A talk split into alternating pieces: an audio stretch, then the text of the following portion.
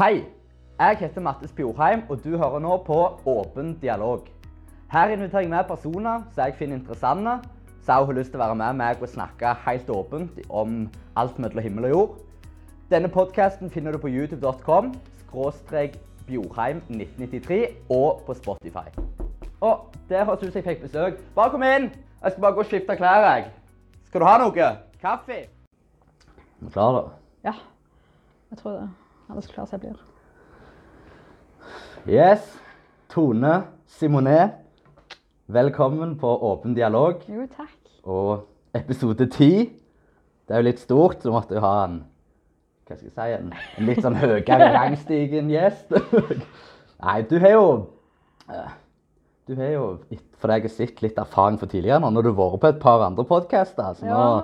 Men nå er det, dette er vel det lengste du har reist, selv om det ikke er andre enden av landet? Nei, det er helt til Nærbø. Ja. ja. nei.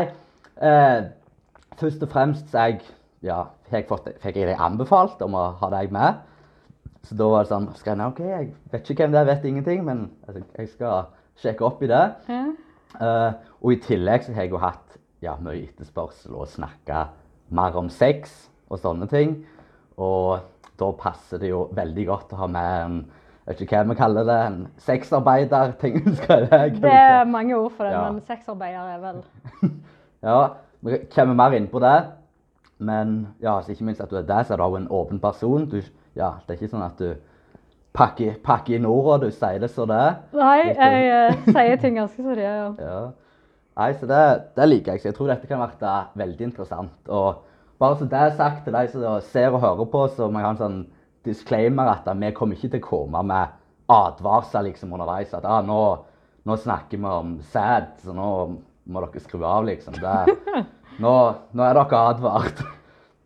Så nei, bare først og fremst, vil du fortelle litt hvem, hvem du er? Sånn kort.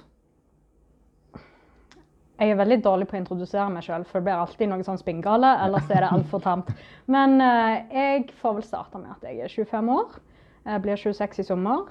Eh, jeg er oppvokst i Egersund, bodd der hele livet.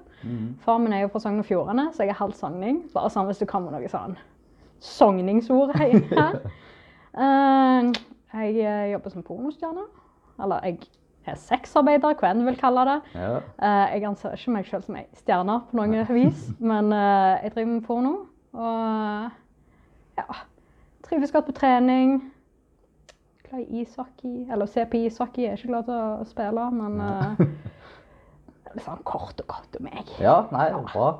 Eh, jeg tenkte først og fremst litt som jeg har gjort på tidligere gjester, så kan bare begynne med litt sånn uh, bakgrunnshistorie, oppvekst, barndom. Du har jo en, ja, jeg vil jo si at du har en historie der som på en måte har vært mer preget og kanskje lagt, gjort deg litt til den du er i dag. Du kan fortelle litt mer om det. Ja, eh, jeg har hatt en litt sånn spesiell oppvekst. og eh, jeg beklager at jeg sier veldig mye 'e'. Det er når jeg tenker meg om, så jeg skal bli, bli flinkere på å ikke si det så mye. Men jeg, uh, jeg mista mor min da jeg var åtte år. Og litt før hun døde da, så var det jo sånn at jeg var ganske mye alene pga. mor mi ble syk, og så ville hun ikke vise meg det. Så jeg, det ble nok litt sånn at jeg ble litt isolert allerede før jeg var åtte. Og etter hun døde, så ble det bare verre og verre. For faren min begynte å drikke, og jeg begynte å drikke. Og så gikk det bare nedover derfra, egentlig. Jeg sleit med helsa mi, psykisk helse, fysisk helse. grunn av jeg og overspiste så. Det var liksom den ene tingen jeg hadde i livet, det var å spise vekk følelsene mine. Så det starta fra en ganske ung alder. Og så balla det egentlig bare på seg, for det var liksom fra alkohol til overspising til narkotika og sjølskading. Så gikk det bare nedover og nedover fram til jeg var 18. Ja. Ja. Ja, stoppa litt der.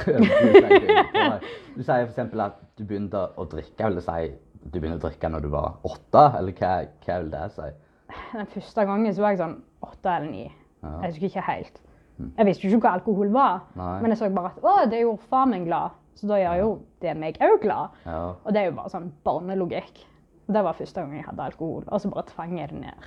ja, stemmer. Ja, for jeg tenker det Det er jo ikke godt, skulle du si. Nei, det, det var jo bare liksom denne magiske drinken da, som Ja, ja. far min hadde. Stemmer. Jeg er veldig glad. Ja. Og så utvikler det seg, sier du, ved andre rusmiddel. Hva Kan jeg spørre deg, hva da? Hva slags rusmiddel da? Liksom ut ifra hva, hva du hadde vært gjennom? Hva var det på en måte som ble oppsøkt, og hvordan fikk du tak i disse tingene da? Det begynte jo litt med piller og sånt. Når jeg fikk jo en, ikke en del, men jeg fikk litt av far min da. Litt forskjellig fra han. Og så var det jo sånn at jeg etter hvert da, så begynte jeg å gå til psykologer og sånt. Og da fikk jeg jo selvfølgelig noe utskrevet òg. Men ja. Så det, jeg vil si at det starta egentlig mest med piller. Det var kanskje litt sånn hasj og sånt noe òg, men piller var liksom alltid den Ja. tingen jeg likte veldig godt. Om det var beroligende, eller om det var morfin. For jeg fikk både beroligende og morfin fra faren min Mm, til å begynne med. stemmer. Eh, og så sier du at det utvikla seg til, til selvskading. Ja, det var narkotika, sjølskading. Sjølskading starta jeg vel med i sjette-sjuende klasse.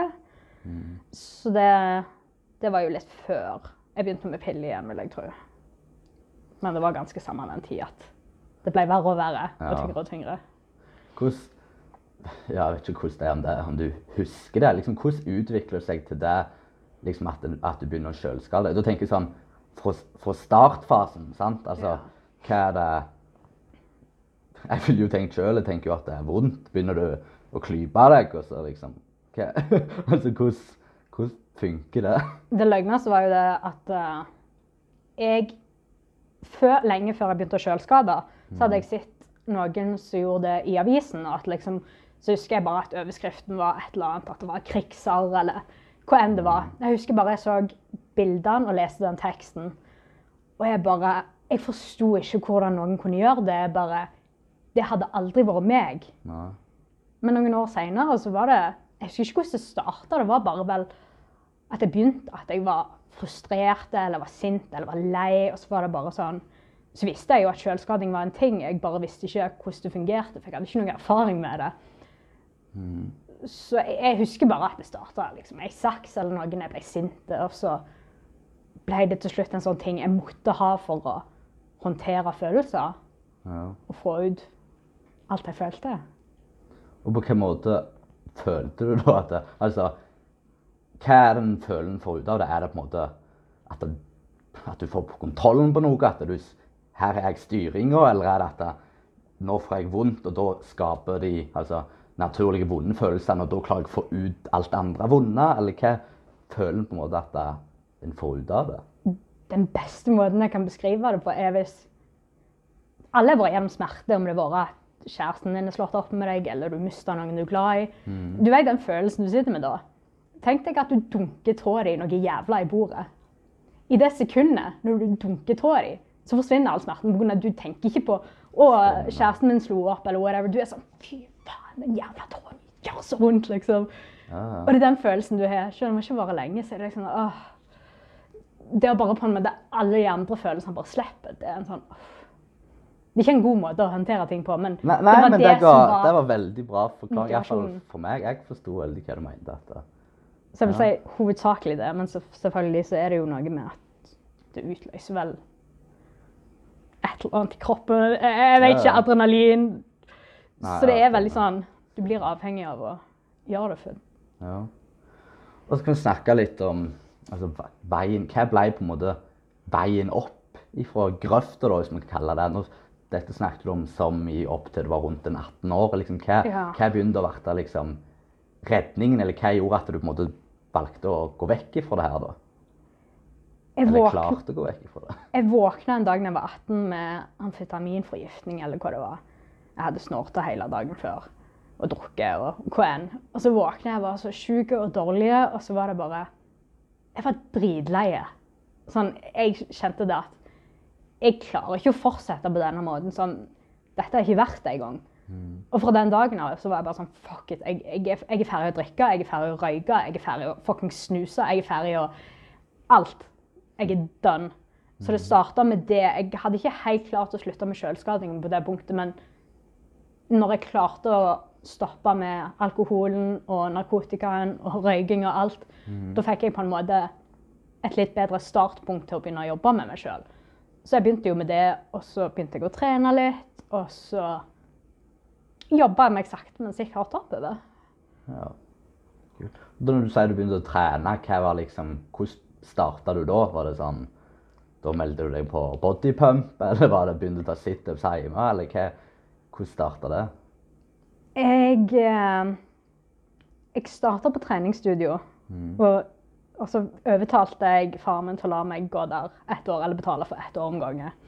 På grunn av jeg var sånn dette, dette skal jeg gjøre. Ja. Og alle rundt meg var sånn Nei, dette, dette kommer ikke du til å fortsette med. For jeg var jo ekstremt overvektig og hadde egentlig ikke drevet med noe særlig sportslig de siste årene. Men jeg var så bestemt på det. Og så begynte jeg å gå med noen venninner og gå på zumba eller noen sånn dansegreier. Jeg husker ikke helt hva det var. Og det var litt sånn av og på om jeg gjorde det. Men så begynte jeg å trene litt for meg sjøl med å gå ned i Bruvik, som er ei vik litt lenger ned der jeg bor. Jeg er veldig flink til å forklare. Så begynte jeg å gå litt fram og tilbake, altså bare sånn kort distanse. Og så prøvde jeg å jogge litt. Altså. Og jeg klarte jo ikke mye, for jeg var såpass ute av form. Men det var starten min. Og så fortsatte jeg å trene. Og det var vel sånn periodevis at jeg tok litt fri, men i lengden så I stuck with it. Ja, det, for det holder du gående ennå. Nå er det, etter seg jeg forstår, så er det du, ja, gode rutiner sånn på trening nå, og søvn og PC. Ja, eh, jeg har jo ikke snakka så veldig mye om det, men da jeg var 19, da hadde jeg en sånn liten kollaps igjen og relapsa med piller og alkohol og Ja. sånt noe. Eh, og det var jo på grunn av jeg jeg begynte å slite litt med spiseforstyrrelser og sånt noe. Og da gikk bare det hånd i hånd. Mm. Så det var et par år der jeg sleit litt igjen, og så henta meg opp igjen. Når jeg var sånn 21-22 kanskje. Nå er jeg 25 og snart 26, så Ja. det er noen år siden. Men jeg, jeg føler jeg må nevne det, for det har ikke Ja, ja. vært Nei, nei, nei. perfect sailing, skulle jeg til å si. Ja. Og ser du Jeg har jo, ja, som jeg alltid gjør, så jeg prøvd å ja, Litt forberedelser. Prøvd å søke opp hvem er, hvem er hun her, sånn at jeg har litt ja, har litt jeg vet jeg kan ta opp og snakke om sånn. Og da nevnte du dette av, av en måte, ja, diagnoser som du fått, at du hadde liksom PTSD, som sier seg sjøl, så er posttraumatisk stresslidelse, så er ja, selvfølgelig et resultat av det du ja, har vært gjennom eller opplevd i en så ung alder. Men så nevner du òg eh, emosjonelt ustabil personlighetsforståelse. Ja, du, du kan den der, eh, det fine navnet på det. Jeg sier bare borderline, men det er visst litt sånn offensive eller noe, Ja. så de skifta navnet. Ja, det, det er litt grunnen til at jeg på en måte vil, ville ta det opp, Jeg har lært det da, for at jeg, eh, jeg hadde gjest, altså det gjest en influenser her på, i episode fem, og hun hadde den, altså den diagnosen da, så da har jeg lært det ordet. Yes. Så jeg synes jo, det synes jeg den av, hvis de sitter den, at det kan være litt interessant, hvis du klarer på en måte å legge litt frem hva det innebærer for deg, og se om det er liksom, ja, om det om den, om den måte, diagnosen er akkurat det samme for folk, eller hvordan du opplever den kontra hun da. Ja. Hmm. du sier jo borderline, det er jo noe sånn, jeg tenker opp og ned, liksom at det er to variabler. Det er veldig løye, på jeg, jeg bruker veldig mye ordet løye når jeg snakker om noe seriøst. Jeg mener ikke løye som er morsomt, men rart. Men Ja.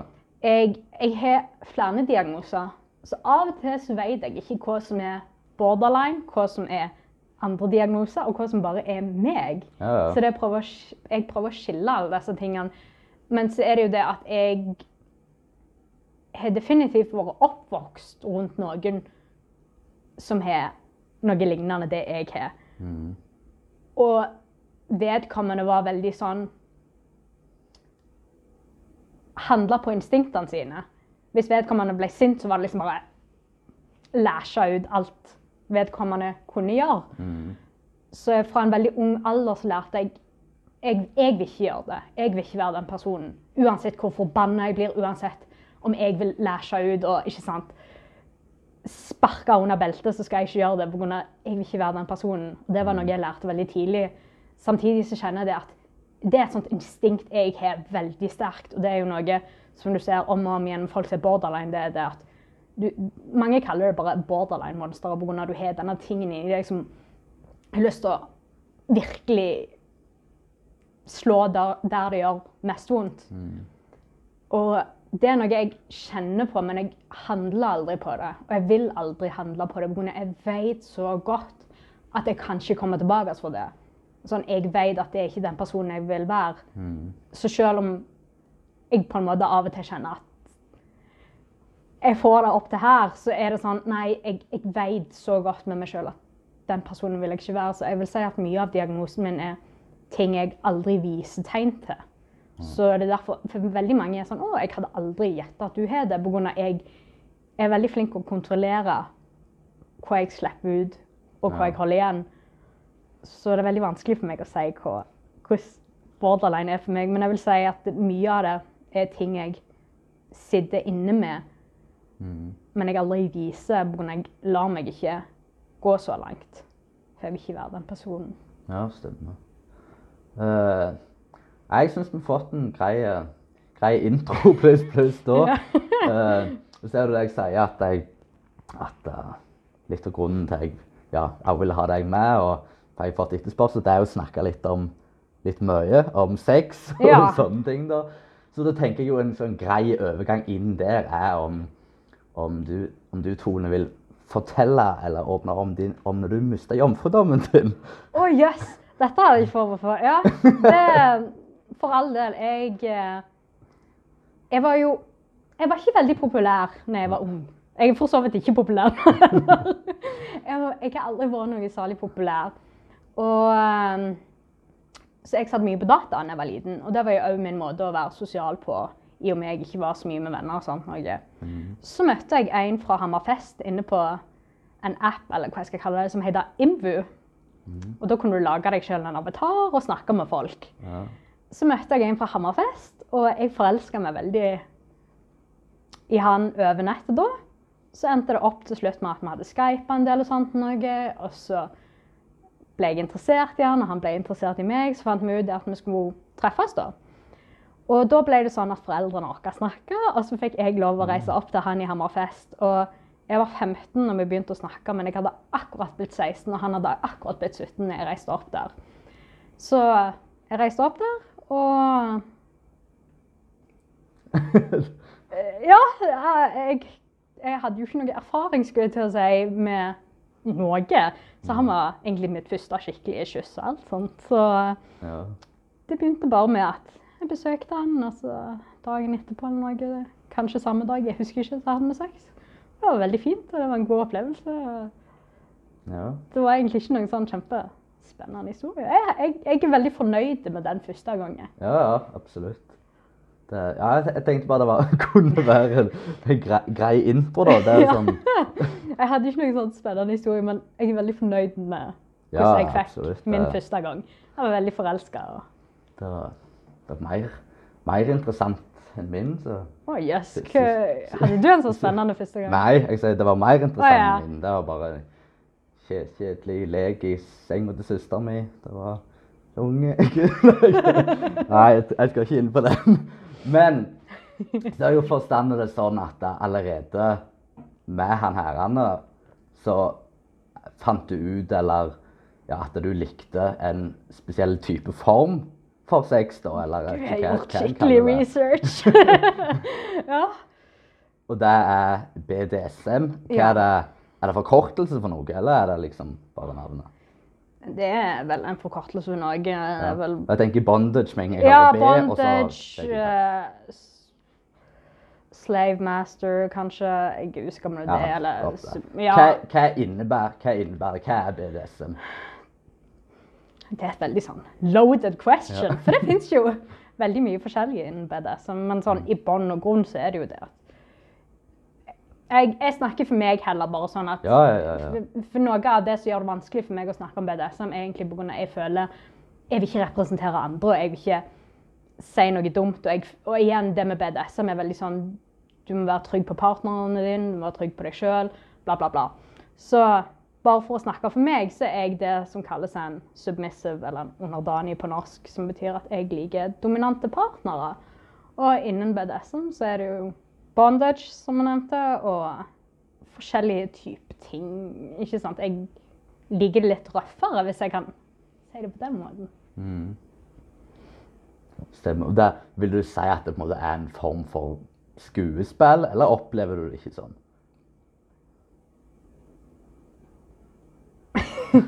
Nei, jeg vil, ikke, jeg vil ikke si det, men for all del, det finnes jo roleplay, rollespill i BDSM, utenfor BDSM, så jeg mener i visse situasjoner, da er det jo roleplay, men sånn, når jeg har en partner og vi bedriver med BDSM, da er det bare jeg er meg, og han er han, eller hun er hun, eller Mm. den er den. Stemmer. Og hvordan ser du på det, hvordan tenker du på sex uten, altså ikke BDSM, men klassisk vanlig sex, da er det på en måte ja, kjedelig misjonær i Nei, hva tenker du, er, er ikke det interessant, eller er det liksom, eller hender det òg, eller er liksom BDSM der det er sex? Det hender jeg har liksom klassisk sex. vanlig sex. Jeg, jeg, jeg bare kaller det vanlig sex, men BDSM er liksom det som virkelig gir meg noe. Mens vanlig sex er litt sånn En sjelden gang så kan det være at du bare sånn eh, Ja, i dag hadde det vært kjekt med en quickie av et eller annet slag. Ja, eller sånn. så det hender jo, og òg spesielt når jeg bare blir kjent med noen, eller Ja. Så av og til så bare skjer ting. Så. Ja, stemmer. For jeg tenker litt sånn Òg hvis du på en måte sier det at eh, jeg liker BDSM, eller det er det jeg driver med, så på en måte lager du på en måte det stempelet på deg sjøl at det er det, det det jeg liker. Sant? Det er det jeg er into. Og da, jo mer du på en måte forteller andre det, jo mer på en måte bekrefter en og prøver å leve opp til deg sjøl. Gir, gir det mening? Ja. At eh, Litt som hvis jeg Hvis folk liksom Ja, hva du liker å gjøre? Nei, jeg liker å trene. Og da på en måte føler jeg det forsterker at å ja, jeg liker å trene. Det må jeg gå og gjøre. Ja. Sant? Det var derfor jeg liksom lurer litt på om det er sånn Og du bare sånn Å nei, fader, jeg kan ikke ja. jeg kan ikke ha kjed, altså vanlige kjedelige sex. For det, at jeg, jeg, det er jo BDSM jeg liker. sant? Ja. Men jeg forstod det sånn at det var veldig sånn ting du helst visste før du hadde prøvd det. At det var liksom ja, noe du kunne like. Ja, jeg, jeg, var, jeg var ganske tidlig på å bli kjent med meg sjøl seksuelt, hvis jeg kan si det sånn. Ja. Eh, det var bare en sånn Jeg visste hva jeg likte før jeg praktiserte det. Og for all del, jeg, jeg så litt sånn porno og sånt noe før jeg hadde sex. Ikke at det alltid skaper realistiske forventninger, men det var bare det jeg visste at det var noe jeg graviterte mot. Mm. Og så det gikk veldig naturlig inn i at At det ble sånn. Jeg, jeg sa jo det til han, han i Hammerfest, da, at det er det jeg liker. Selv om jeg ikke har hatt sex, så vet jeg bare det er det jeg liker. Så jeg hadde med håndjern der første gang jeg reiste. Det, det var, så det var veldig sånn rett inn i, inn i det. Ja. Jeg har jo ikke noe jeg vil si, særlig erfaring med den type sex sjøl. Og når jeg på en måte tenker, så føler jeg det at jeg Jeg vet ikke Jeg vet ikke hvordan, jeg skal legge det fram. Hvis du har BDSM og sier at partneren er, altså, er submissiv, at jeg på en måte skal være den dominante, så føler jeg jo samtidig som du sier at det er viktig at dere er trygge på en annen. og at det, på en måte så føler jeg jo kanskje at den submissive personen egentlig er den som styrer det. For det er at det, det er den personen sine barrierer som du måtte må følge. Og det vet jeg ikke. Jeg har jo ikke erfaring sjøl, men jeg vet ikke om jeg hadde, hadde likt det. At det liksom At de Jeg tror jeg hadde følt for mye at de styrte det. Jeg måtte liksom ja, jeg vet ikke hva, jeg skal si. Jeg, jeg vil ha styringa uten at, på måte, at vi har planlagt at hvis jeg sier det er kodeordet, så er det nok, liksom. Jeg, Ja. jeg vet ikke, jeg hadde følt jeg på en måte hadde mista makta av det, men jeg vet ikke. Det er jo veldig sant det du sier. på grunn av Det folk ofte ikke forstår, det er jo at hvis du er en submissive, så er det ikke sånn automatisk at folk kan gjøre hva faen de vil med deg. Nei. Det er jo igjen jeg som bestemmer hvor langt ting går. Og det er jo på en måte det fine med det, at jeg, jeg kan si stopp hvor tid jeg vil, eller ikke Ja. stopp, men kodeord, whatever Ja. det er. Og igjen, det er så forskjellig fra hvor folk liker. Så det er ikke for alle. Og de som liker det, det er så forskjellig fra hva vi liker. Så det er ikke sånn at jeg automatisk liker en dominant person. På grunn av, Nei. det er ikke alltid vi matcher engang. Det kan godt være passer bedre med noen som ikke driver med BDSM. Da, liksom. Så det er veldig variert. og Ja. det er bra at du har skjønt det. Det, det, det, det handler på en måte om igjen hva, hva man har lyst til. Og det er ikke noe sånn 'Å, ja, nei, den dominante kan pushe så mye han vil.' For det, sånn er det ikke. Nei, stemmer. Uh, skal vi gå over på litt snakke om ja, jobb, jobben din? Jobb? Uh, Kjedelig. Nei, er jo ettårsjubileum i dag. Så Ja. Jeg, jeg fikk med meg det. Jeg, Ja. Faktisk siste søket i dag, så så jeg dette på søndag. Det er i dag! Ja! Gratulerer! Hvordan så det ut for ett år siden? Hvordan gikk det i gang? Hvordan var framgangsmåten? Grunnen til jeg sier at det er ettårsjubileum i dag, er av at jeg starta Onlyfans-siden min noen dager før. Onlyfans er den sida jeg jobber på, altså. Eller, eh, tidligere i januar så starta jeg den, men jeg var ikke sikker på om det var noe jeg ville gjøre. Jeg hadde bare lyst til å se hvordan Sio så ut. Men 31. januar i fjor så var jeg sånn Jeg har lyst til å gjøre dette. Hvorfor ikke? Så hoppa jeg bare inn i det. Og dette høres kanskje helt ulogisk ut. Jeg fortalte dette til bestevenninna mi, og hun lo bare, og hun syntes det var genialt. Men mm, litt før jeg valgte å begynne med det, eller rundt den tida iallfall, så, så posta jeg bare en jævla stygg video av meg sjøl på Twitter hvor jeg sto i dusjen med showercapen min on og eh, barberte meg. For jeg tenkte jeg vil at meg på mitt verste, minst attraktive, skal ligge ute allerede. Sånn at folk ikke kan liksom gå inn på pornosida mi og bare uff, se denne vinkelen. på grunn av, Jeg har allerede gitt den ut. Gratis til alle som vil se den. Så det er sånn Det var en fin start for meg. For da var jeg sånn Vet du hva? Vær så god. Nå er det jeg som har makta. Du kan ta så mange screenshots du vil, men du finner ikke noe verre enn meg som står der og barberer rævballene mine i showercapen min. Stemmer. Ja. Jeg avspurte der. Nei, nei men det Men hvordan er praksisen da på arbeidsplassen, altså Onlyfans? Er, hvordan fungerer det? Jeg lager jo for det meste solovideoer, men det er litt sånn partnervideoer òg oppe med forskjellige. Men for det meste solovideoer. Og de filmer sånn i hytt og pine, skulle jeg til å si. Jeg lager litt sånn forskjellige videoer, mye rollespill. Og jeg lager òg både norske og engelske videoer, så jeg prøver hele veien bytte på det jeg gjør, for jeg vil ikke det skal være samme vinkel og samme ting og samme språk. Jeg vil at det hele veien skal være litt sånn oh, hva skjer i dag? Ja, ja stemmer. For du har jo du har på en måte lagd et, si, et varemerke. Jeg ser jompaen din her. Ja. står det. Du kommer jo fra Åkka by, Orka by, ja. så det er Åkka by, Åkka pornostjerne, Ja. ser jeg. det er, ja, hva er tanken bak det? Er det liksom en humor, eller er det liksom å, ja, det, at de på en måte skal ha et navn å altså forholde seg til, eller? Det var litt på løye, egentlig, på grunn av Egersund er jo veldig sånn The Bible Belt, skulle jeg til å si. At det er veldig konservativt, hvis jeg kan si det på den måten. Og vi har okka ditt og okka datt, så var jeg sånn Vi er ikke okka pornostjerner. Vi er ikke engang noe i nærheten av å være inne på det temaet. Så jeg var sånn OK, da vil jeg gjøre noe som er veldig egersundsk. og på en måte spille på det pga. det er noe vi ikke har, og jeg føler ikke det er noe veldig typisk rundt her i det hele.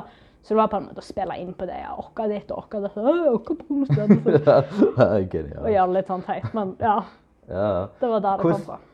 Hvordan har det, altså si når du har holdt på ett år, på hvilken måte har det påvirka sexlivet ditt? Er det vært noen endring der? Eller er det liksom ikke noen påvirkning? Det løgne er at meg og han jeg filma med og posta ting med på Onlyfans Meg og han er filma i flere år. Så bokstavelig talt ingenting forandrer seg. Alt er det samme. På grunn av til og med filmingen med partner er noe jeg har gjort flere år før jeg begynte med dette. Så det var veldig naturlig for meg. Det var en naturlig overgang. og Ingenting forandra seg. Ikke med partnere eller noe. Nei.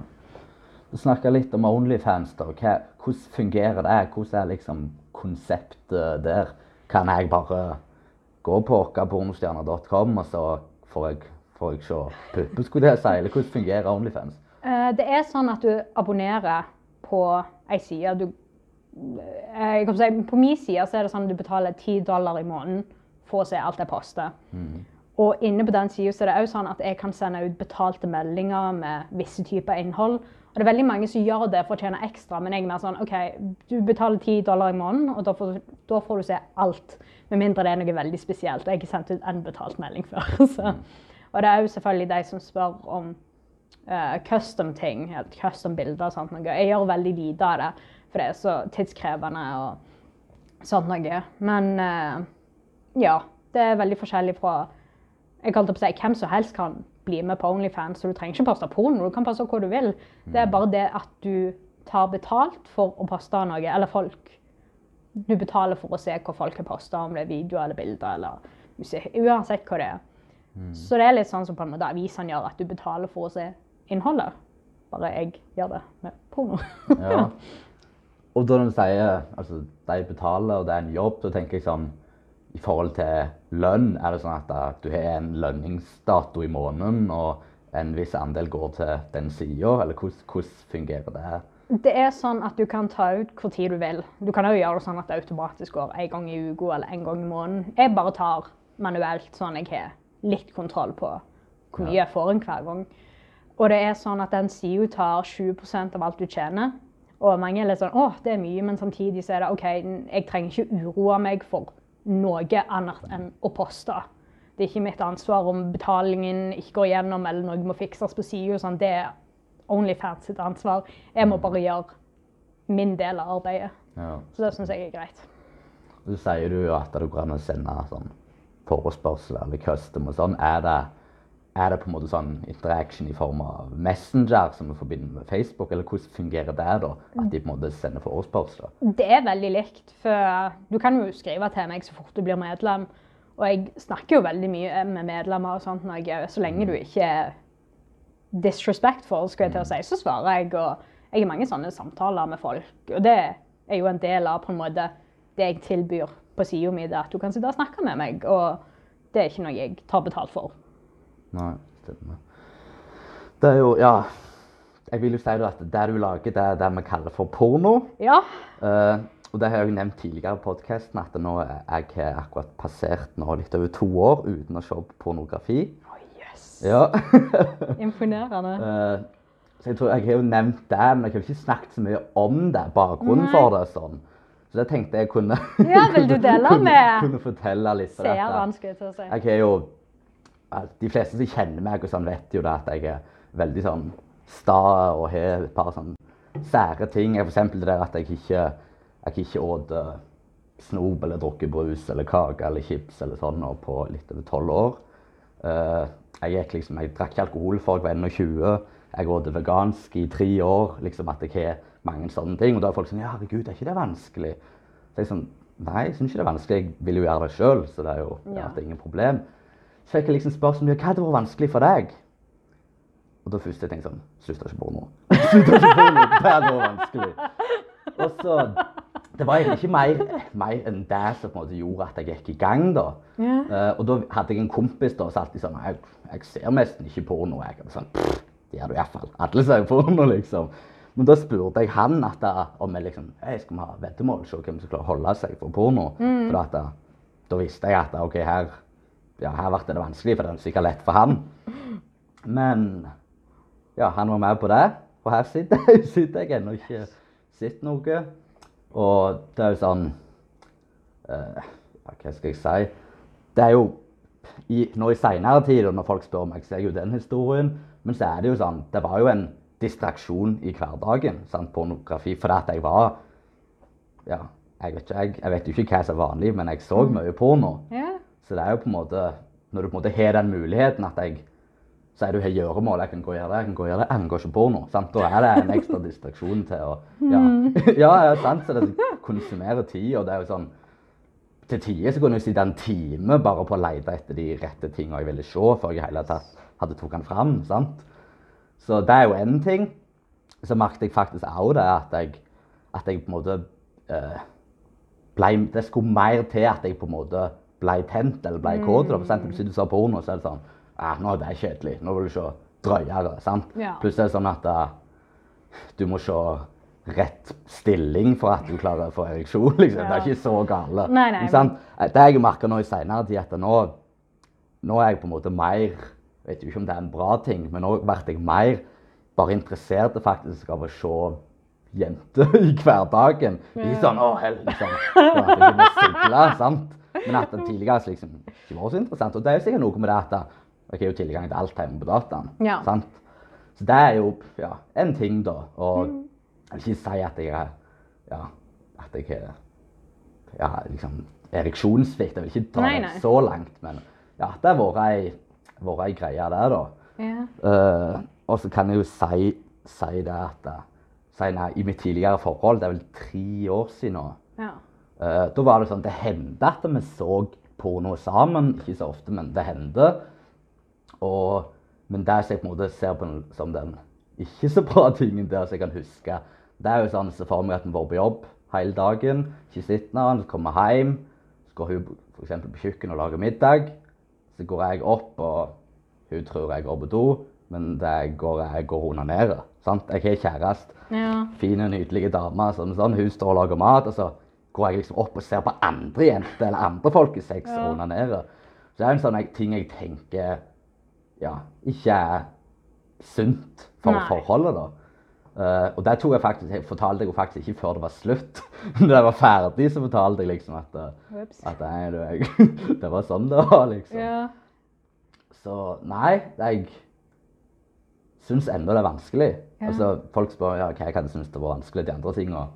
Ja, er ikke noe stress, men ennå til nå, passert to år, så er det sånn at jeg har lyst til å se porno. Abstinens. Ja, ikke sånn at jeg liksom går rundt og tenker å, jeg vil se porno, men hva skal jeg si? Eh, det var jo mange måter eller mange grunner til å se porno, da. ja. Eh, det utvikla seg jo sånn til Eller utvikla seg det. Det ble jo sånn, Noen ganger så var det jo for å se pornografi for å, sant, for å onanere og ejakulere, da, eller for orgasme.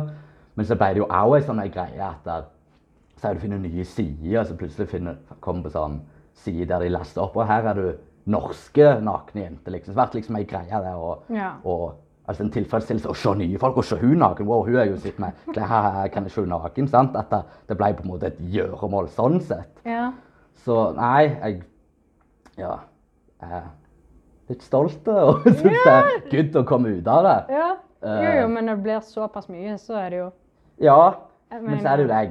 Altså, jeg vil ikke si Det var ikke sånn at jeg Jeg gikk jo på jeg gikk jo på jobb og jeg trente. Ikke sånn at jeg, men det Bare stoppa liksom, liksom, Ja, ja. Nei, men det kan være det. jeg driver jo med online coaching, da. sant? Der må Ja. vi foregå hjemme på dataen. Og da, sant? da var jo det greia der at eh, liksom, Å, helsike, kanskje jeg skulle, skulle det, liksom. Og da er det sånn Hvis den tanken først kommer, da måtte jeg bare gjøre det. For hvis ikke så så jeg over helt Jeg klarte ikke å kon altså, konsentrere meg. Så måtte jeg liksom gjøre det for å få den ut. Men nå er det ikke et alternativ. sant? Nei. Men så husker jeg at siden jeg hadde holdt på et halvt år cirka, eller halv, ikke holdt på, når jeg ikke hadde sittet på et sånn halvt år, og snakket om det med andre gutter, sånn på, eksempel på treningssenter der jeg går da, så var det sånn, ja, ja, men du ser jo, du, du trenger jo ikke porno, du har jo fullt av damer som er naken og sånn på Instagram. ja. Og så begynte jeg å tenke sånn Å ja, det går jo an. Så begynte jeg liksom, sant, det begynte bare sånn først vanlige folk og så komme Mm. opp, men så begynner du å gå på forståelsesglass og skrive inn tekst, liksom. Så sånn eh, Hva jeg holder på med nå? Nå gjør du jo det samme, egentlig. Ja. Sant? Og så utvikler det seg derifra. Så jeg skal innrømme det at ja, litt over to år nå, men jeg hadde noen måneder der jeg liksom begynte med det. Og så begynte jeg liksom å innse at jeg, faen, jeg holder jo på med det samme nå, bare litt mer soft. ja. Uh, de erfaring, hva de erfaring, eller hva tenker du om det jeg sier? Hva er de erfaring med pornografi? det, det som er så løye, er at jeg ser ikke på porno. Nei? Jeg ser på min porno. Og jeg har jo veldig mange venner som er sexarbeidere. Så det er sånn automatisk så er det sånn Det er ikke uvanlig for meg å plutselig bare se pikk eller puppe eller pussy. Det er sånn jeg Det er bare helt naturlig for meg, så jeg har ikke noen tanke til det. Men jeg går aldri altså, Jeg kan ikke Det er sikkert mange år siden, siden jeg har sett porno sjøl. Sånn intensjonelt, skulle jeg til å si, uten at det kom på av en eller annen grunn. For jeg syns ikke For meg er det ikke så interessant. Nei. Uh, Men du har ikke tenkt at du kunne på en fått inspirasjon innenfor liksom både for content og lagt og av ting? Det var, jeg ville tenkt hvis du på en måte hadde den der kategorien. jo, jo, jeg mener Jeg ser jo konstant vennene mine gjøre Eller ikke Ja, ja, vennene mine, men òg Jeg holdt på å si folk på sosiale medier som bare sånn Å, jeg har gjort dette og dette på OnlyFans og whatever. Men samtidig så er jeg sånn Jeg har så mange ideer sjøl. Sånn, hele veien så er det sånn Å, shit, jeg burde gjøre det. Så jeg føler ikke noen mangel på inspirasjon eller noe. og Jeg vet ikke. Jeg er, jeg er det totalt omvendte av en voyeur, som er noen som liker å se på andre ha sex. Jeg er sånn «Ugh, Nei takk. og jeg vet litt sånn Å ja, men du lager jo porno sjøl. Ja, men jeg, det er så forskjell på det jeg lager, og den pornoindustrien hvor jenter f.eks. må dope seg ned for å klare å gjøre en scene.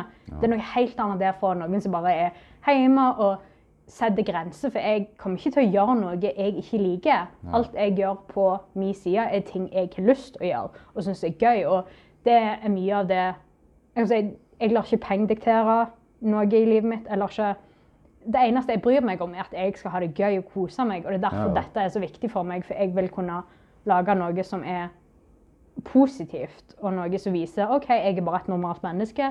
Jeg har lyst til, og det betyr ikke at dine framtidige partnere liker dette, eller partneren din nå liker dette, men jeg liker dette. Og jeg liker ikke disse tingene, men det kan være din framtidige partner liker dette. Så det er det å på en måte vise at jeg er menneske, jeg òg, og det fins grenser.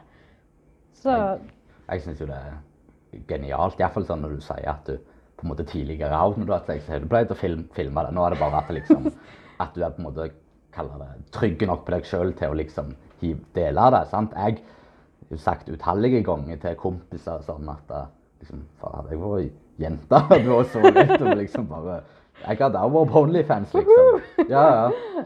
Men så skal jeg nevne det at jeg, jeg skrev en status.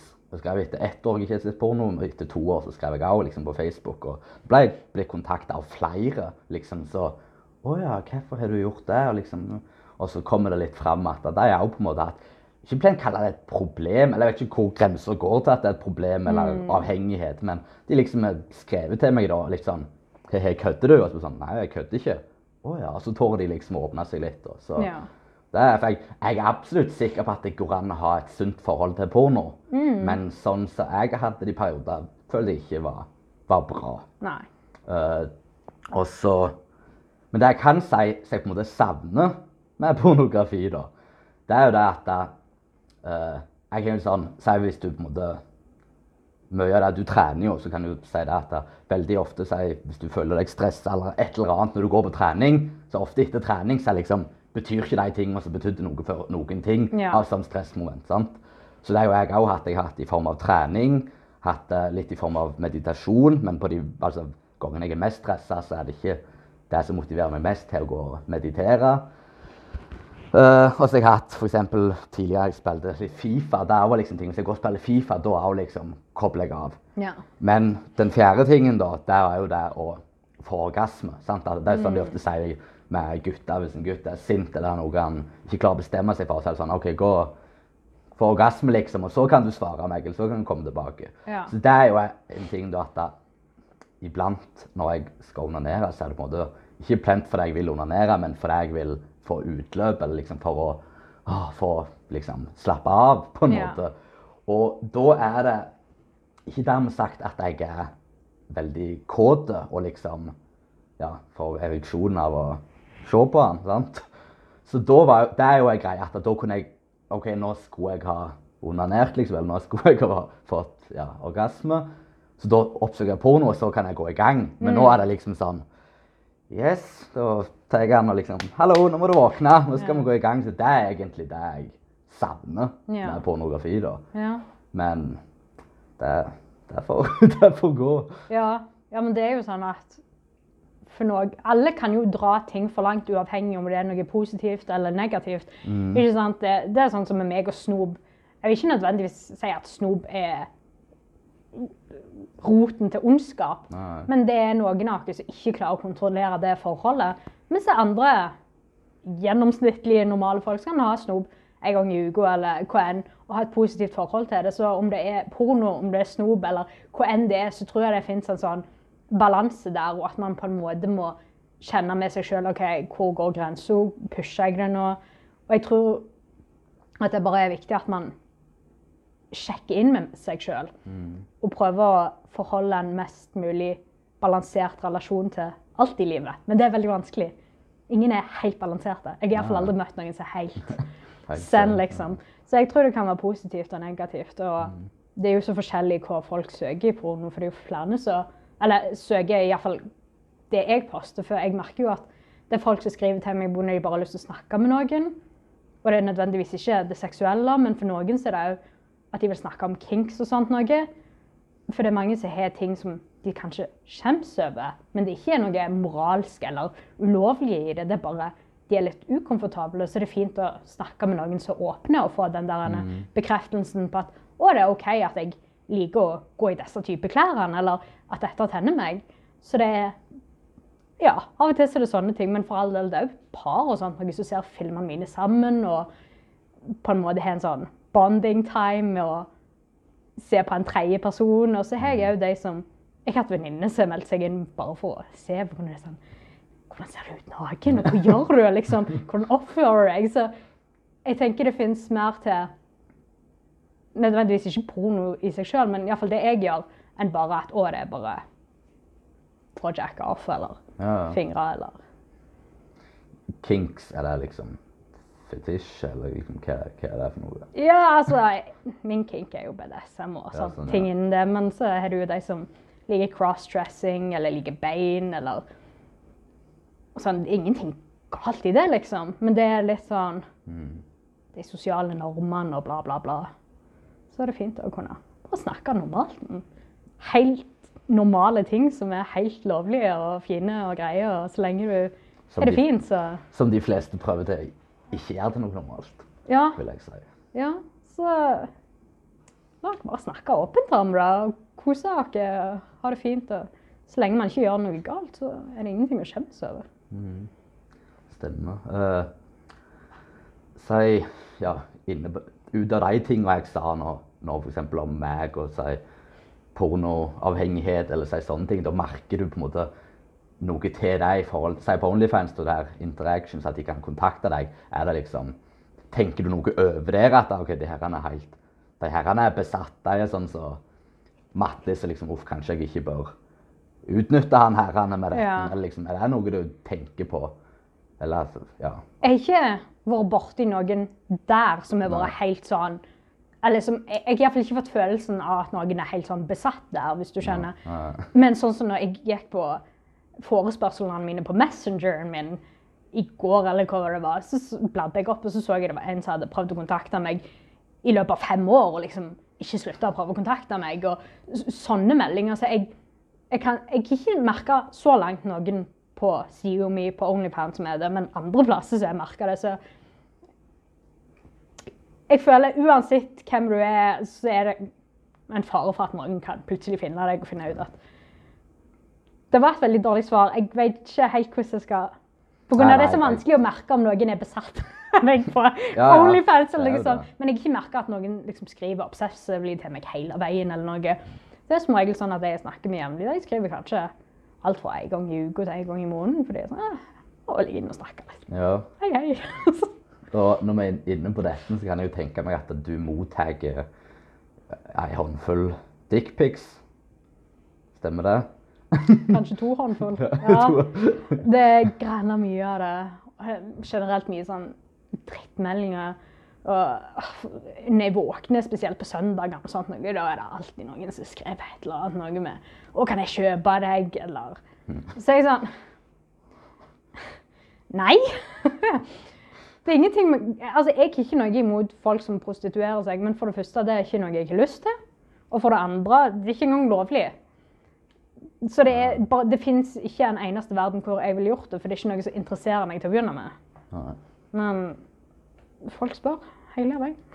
Hvordan håndterer du det? da? Bare ikke åpne eller ikke svare? eller? Jeg, eh, jeg pleier som regel bare å slette meldinger eller trykke 'ignore', sånn at de kan med sånn forespørselmapper liksom bare Not my circus, not my circus, not my monkeys, tenker jeg. Det, det får så mye av det at du kan liksom ikke. For det er jo sånn Ja, vet jo ikke alltid hva Ikke alltid godt å vite hva, hva de vil få ut av dickpics de sen- sender, liksom. Ja, nå spurte jeg helt da. Ja, nei, men det kom en del. ja. Og da bare sletter jeg og sletter deg hvis jeg ikke har gjort det allerede. For det er sånn Det er ikke greit. Det er jo trakassering. For jeg har aldri spurt om dette. Det har aldri vært noe jeg Ikke sant? Du må ha lov å være en seksuell person uten at folk skal bokstavelig talt whippe dicken out. Eller fitto, for all del. Men det er for det meste dickpics. Så det er jenter også som sender. Det hender han kjente. Ja. kan bli litt voldsomme. Ja, det har jeg faktisk erfart sjøl. Ja, ikke Det går begge veier. Vi skal ikke bare diskriminere henne. Menn. Damer kan være galne, de òg. ja. Nå i koronatida, da, Ja. skal jeg kalle det det, så har jeg pussy? Det- pits, det mente jeg. To, to jenter som liksom begynte å skrive til meg via Instagram, da. Hmm. Begge svensker. Og, men jeg var jo interessert i dem, liksom. Men det, de begynte ikke med at de sendte dickpics, skulle jeg til å si. Nei. Men det var sånn Det kom veldig raskt på å begynne liksom å skrive til meg. 'Hei, du virker hyggelig', liksom. Og svarte jeg, og så var det kanskje fire, fire meldinger. 'Har du noen bilder av deg i bare overkropp?' Og sånn. What the fuck? Begynner jeg med en gang. Dette er falsk profil. Liksom begynner å søke deg opp, sånn, Det er ikke falsk profil. Nei. Så det, det var to, to jeg på en måte Ja, begge de to endte opp at vi hadde sånn cybersex, som jeg kaller det. Ja. Første gang i mitt liv. Og så skjedde det oh, med to stykker stykk samme måneden. Ja. Og det var begge, begge svensker, og begge de tok liksom initiativet, da. Ja. Men det var helt merkelig for meg, for de var jo Da Det ble jo ikke dickpic, men de er jo sånn Og ber om disse tingene, da. Det er jeg jo ikke vant til. Jeg føler jo at, at jeg fighter for det, og så får jeg. Men her var det de som lå liksom og. Og jeg var ukomfortabel, men jeg ville jo jeg ville jo få det jeg ville ha, sant? Og, jeg, ja, sant? og jeg var jo Jeg ville jo Iallfall når jeg er der jeg ikke ser porno heller, så Nei. tenker jeg dette kan jeg jo se, for det er jo Ja. om jeg ikke har sex på mobilen eller sex i virkeligheten. Altså, det, der går, der går ja, grensa. Stopper ikke der, liksom. Det er greit. Så det var ja, en ny erfaring for min del. ja. Uh, det, har du erfart, har du liksom hatt telefonsex eller noe erfaring med sånne ting? Jeg er ganske sikker på at jeg hadde cybersex Ja. lenge før jeg hadde sex-sex. Ja, okay. Så telefonsex, cybersex Jeg eh, Ja, jeg, Hele jeg, jeg synes det var helt merkelig. Jeg hadde ikke trodd liksom at jeg var into det, men kanskje Kanskje det var at, skal, at det på en måte lista går litt ned når jeg på en måte ikke har den tilgangen Ja. jeg har på internett. sant? Ja. At, jeg vet ikke. Det var jo, så passer det jo litt fint i denne tiden når du ikke skal treffe folk. Jo, jo, men det finne alternative måter. Så du. Ja. Men det er definitivt Det som er fint med cybersex, eller iallfall når, du når du bare skriver For du kan jo gjøre det på webcam og alt, men Ja, når du bare skriver, da, da kan du tenke på hva du skal skrive og gjøre det sånn skikkelig sexy, men sex i virkeligheten er ikke alltid så og feilfri. det er mye sånn velting av glass og fittefis og sånn Ting skjer. Ja, det var litt trygt sagt. Ja, Har du noen gode historier, kanskje? Du virker som du kjente deg igjen. Ja, jeg Jeg vet ikke hva jeg Jeg tenkte Jeg tenkte jeg skulle snakke litt om Tinder, da. Og det Ja. kan kan jo på en måte trekke det Jeg jeg vet ikke, jeg tenker mest opp Tinder med hver eneste gjest jeg har, for jeg, jeg er jo der sjøl Ja. og syns det er litt morsomt. Uh. Av alle ting vi begynner å snakke om, så er det Tinder som er sånn Ja. Uh, er du der sjøl, eller har erfaring med det? Jeg har vært av, av og på Tinder så mye. Mm. For jeg er sånn «Eh, Det er sikkert bedre denne gangen, så er det bare helvete. Men jeg, jeg var jo veldig mye på sukker da jeg var sånn 17 år, Ja. som er sånn 8-9 år siden. Er den matten rett? For sånn åtte år siden Ja, det holdt rett ja. Så var jeg på sukker, og der har jeg jo møtt kjærester. Flere kjærester, og vært på dates og sånt noe. Men nå er det jo mer Tinder og sånt noe som er litt mer hipt. Så jeg har vært på Tinder òg. Mm. En del. Jeg har mye erfaring med online dating. Eller online sex, hva enn du vil kalle det.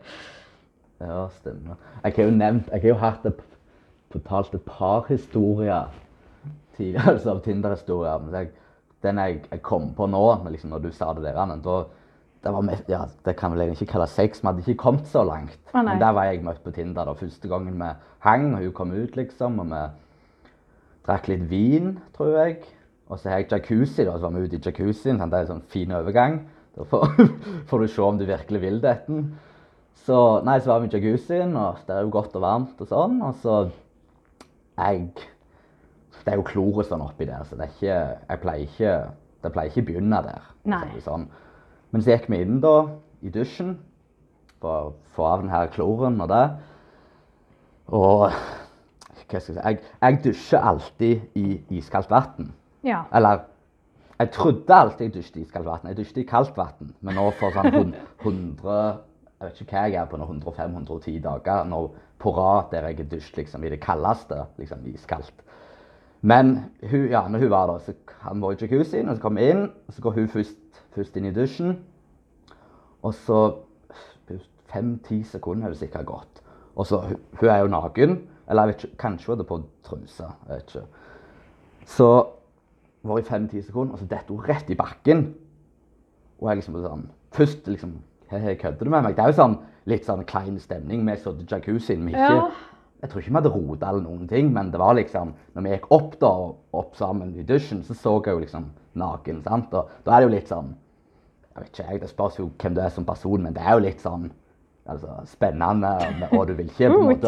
Ja, ja du liksom, du vil ikke vise seg Jeg tenker når jenter da liksom ah, nå får en god innsikt til ting her, sant? og prøver du liksom å rette deg litt i ryggen. Det liksom går ikke der når du skal vise deg naken. sant? Men det som skjer med hun da, når hun, altså, når hun detter ned, er at hun besvimer. Og tenkt i ettertid, da, så tenker hun at det er så de kokvarme jacuzzi, så kom hun inn, og hun liksom reagerte. Å, det var kaldt. Så tror jeg hun tok han ned og så bare spylte på føttene mens hun venta på han ble varm. Så besvimer hun dette rett i bakken. Og jeg er jo ennå ikke gått inn i dusjen, men du hadde ikke tatt for forhenget. Så var det liksom He, he, hva er det som skjer? Så jeg går liksom bort og Hallo, liksom, er du der? Og så gikk det sånn tre-fire sekunder, så kom hun tilbake. Så var hun en helt annen person. Det er sånn, Jeg følte en alien hadde tatt over, liksom. Ja, ja. Og så var jeg sånn Ja, er du der? Sånn, ja. eh, Så helt merkelig. Og sitter liksom der sånn Ja, skal hjelpe deg opp? Nei, liksom, gå vekk ifra meg. Så jeg var sånn Wow, hva, hva som skjer her? ja. Så begynner jeg å tenke sånn Hun tror jeg er dopdoner eller noe. Sant? For hun plutselig våkner på Oi, bakken. ja. Så jeg sånn Å, helsike. Liksom. Så jeg sånn «Øh, øh, Vet du hva som skjedde når vi var i jacuzzi? Når du kom inn i dusjen, så er du besvimt. Nei, jeg er ikke besvimt. Jeg er ikke besvimt. Sånn, ja, du besvimte. Nei, jeg besvimte ikke. Så tror jeg hun jeg vet ikke, hun ble skikkelig sånn, hadde liksom vært veldig åpen person, følte jeg. Og så plutselig ble hun så altså, tilbakeholden. Og jeg ble Ja. voldsomt sånn OK, her må jeg trå varsomt, så hun ikke jeg hun ikke tror jeg har dopt henne ned, liksom. Så sto, tror, jeg tror bare hun gikk ut av dusjen og bare satte seg ned og bare så liksom og prøvde å lande. Så sa jeg at jeg, jeg vet ikke hva som skjedde, jeg, men du besvimte. Og så nei, jeg besvimte ikke. Og så tenkte jeg jo da at OK, det, det ble ikke noe mer her i kveld, liksom. Ikke. Og hvis hun kommer tilbake til seg sjøl, liksom, så føler jeg, så føler jeg mest ikke jeg kan gjøre noe da heller. For det at vi hadde denne historien, da. Men det Ja, det løsna etter si, ti minutter etter det her. Da, og vi lak i samme senga, og det utvikla seg til at det ble allikevel. Men det var Ja, det var litt sketchy. Spesielt på hennes reaksjon. Hvis hun bare hadde besvimt og liksom he-he. Men hun på en måte reagerte sånn, så begynte jeg å kjenne på Fy faen, hun tror jeg at jeg er ned. Ja. Da ble jeg liksom Og da, da tenkte jeg med en gang at jeg, skal ikke røre henne i kveld. Nei. For da tror Men noe tok over han senere på kvelden. Så der var, det, der var den historien jeg kom, kom på da om Tinder. Heftig. Og jeg traff henne igjen, så jeg tror ikke hun ble ja, vettskremt. Nei, men det var jo godt at dere i hvert fall fikk jeg må si, treffe hverandre igjen etter det, sånn at det ikke var helt sånn Ja, ja. Ja. Det var Uff. Ja, nei, det var den Tinder- Tinder-historien. ja. Så jeg vet ikke om Kom, kom, du, kom, kom du på noen Tinder-historier, du? Du sa du hadde både på godt og vondt. Vel, han her var for sukker, da. En gang så Jeg eh, Jeg, jeg snakka med en på sukker som var, var en veldig sånn ivrig om å møtes. Og så var jeg sånn Jeg vil helst snakke litt før jeg møter noen, men jeg har hatt så mange sånn bom med folk som er litt dritete. jeg snakker litt med dem. Men så var det sånn ah, Nei, jeg, ikke sant? jeg har ADHD, og jeg syns det er veldig plagsomt å måtte hele veien sitte og skrive, og jeg klarer ikke å konsentrere meg, og bla, bla. Så jeg sa Vet du hva, fuck it, jeg reiser til han. Så gjorde jeg det, og så når jeg kom til han, så var det sånn Det var ikke helt det jeg hadde håpet på. Så var jeg sånn OK, ja, nå skal jeg gå. Eller ikke sånn, jeg må tidlig opp i morgen, det var veldig kjekt å møte deg, bla, bla. Og så når jeg skal gå, veldig sånn Nei, jeg blir litt lenger. Og så fortsetter det sånn. Og til slutt sier er jeg sånn Nei, vet du hva, jeg beklager, men jeg må gå nå. Og så går vi ned, og så begynner jeg å ta på skoene. Og da stiller han seg foran døra og låser døra og bare Nei, bli lenger. Jeg husker ikke helt hvordan han sa det, men det var liksom Bli, ikke gå. Og jeg bare Da var jeg sånn OK, denne personen er ustabil. Sånn, du gjør ikke det. Så da, så da var jeg bare sånn OK, um, nei, jeg, jeg blir lenger. Jeg, jeg skal bare knytte opp skoene igjen. Og da begynte han å gå opp trappa, og så sto jeg bare liksom bøyd og bare reiv litt i lissen, eller hva faen jeg gjorde. Og så ser jeg at han går opp, oppover, han hadde kommet sånn halvveis trapp eller noe. Så kaster jeg meg på døra bare, og så springer jeg ut. Og han kommer springende etter henne. bare, Kommer springende, kommer springende etter. Norsk ikke lett. Jeg ble så stressa nå med å tenke på denne situasjonen at jeg klarer ikke å takke ja, så mm, jeg la på sprang, og han kom etter. Han stoppa jo heldigvis med utgangen, da, men kom tilbake! oss!» Og så sprang jeg ut til togstasjonen, og så får jeg meldinger når jeg er på togstasjonen. Kom tilbake! oss!» Jeg bare Er det ikke tydelig at jeg ikke vil være hos deg når jeg springer fra deg? Åh. Jeg, jeg kjente jeg ble stressa. av å Du snakke. ikke han? Det var sånn. Nei, eh, så det Det var en av de tingene. Jeg tror jeg fortalte denne historien på YouTube en gang, men Eh, Så du treffer ikke han igjen? sånn? nei. Nei. Men jeg ble så sjokka over at han fortsatte å sende meg meldinger etter jeg hadde sprunget fra han. Sånn, på det punktet må du vel ha skjønt at det ikke var Men jeg har hatt veldig mye sånn rare Og jeg, jeg er ikke alltid like flink med å avvise folk heller, så det har jo Ja, jeg brent meg på. jeg må bli flinkere bare å være sånn Nei. Ja, du nevner, du nevner YouTube. Jeg så jo et par du hadde lagt ut mange. Jeg så jo et par Ja. YouTube-filmer du hadde lagt ut, eller jeg hørte når jeg var på jobb. Ja. så Ja, så var det sånn Jeg var liksom i forberedelsesmodus. Det var liksom OK, hvem, hvem er hun her denne jenta jeg har fått anbefalt å snakke med? sant? Og så sto det overskrift, eller noe sånt. Det sto det sopp der. Og så skrudde jeg på så Det første jeg tenkte Det var sånn, det skjedde en misforståelse. Det første jeg tenkte For først tenkte jeg liksom det var sexarbeidere og det her. Jeg tenkte sånn Å, herregud. Holder på å ta sopp òg?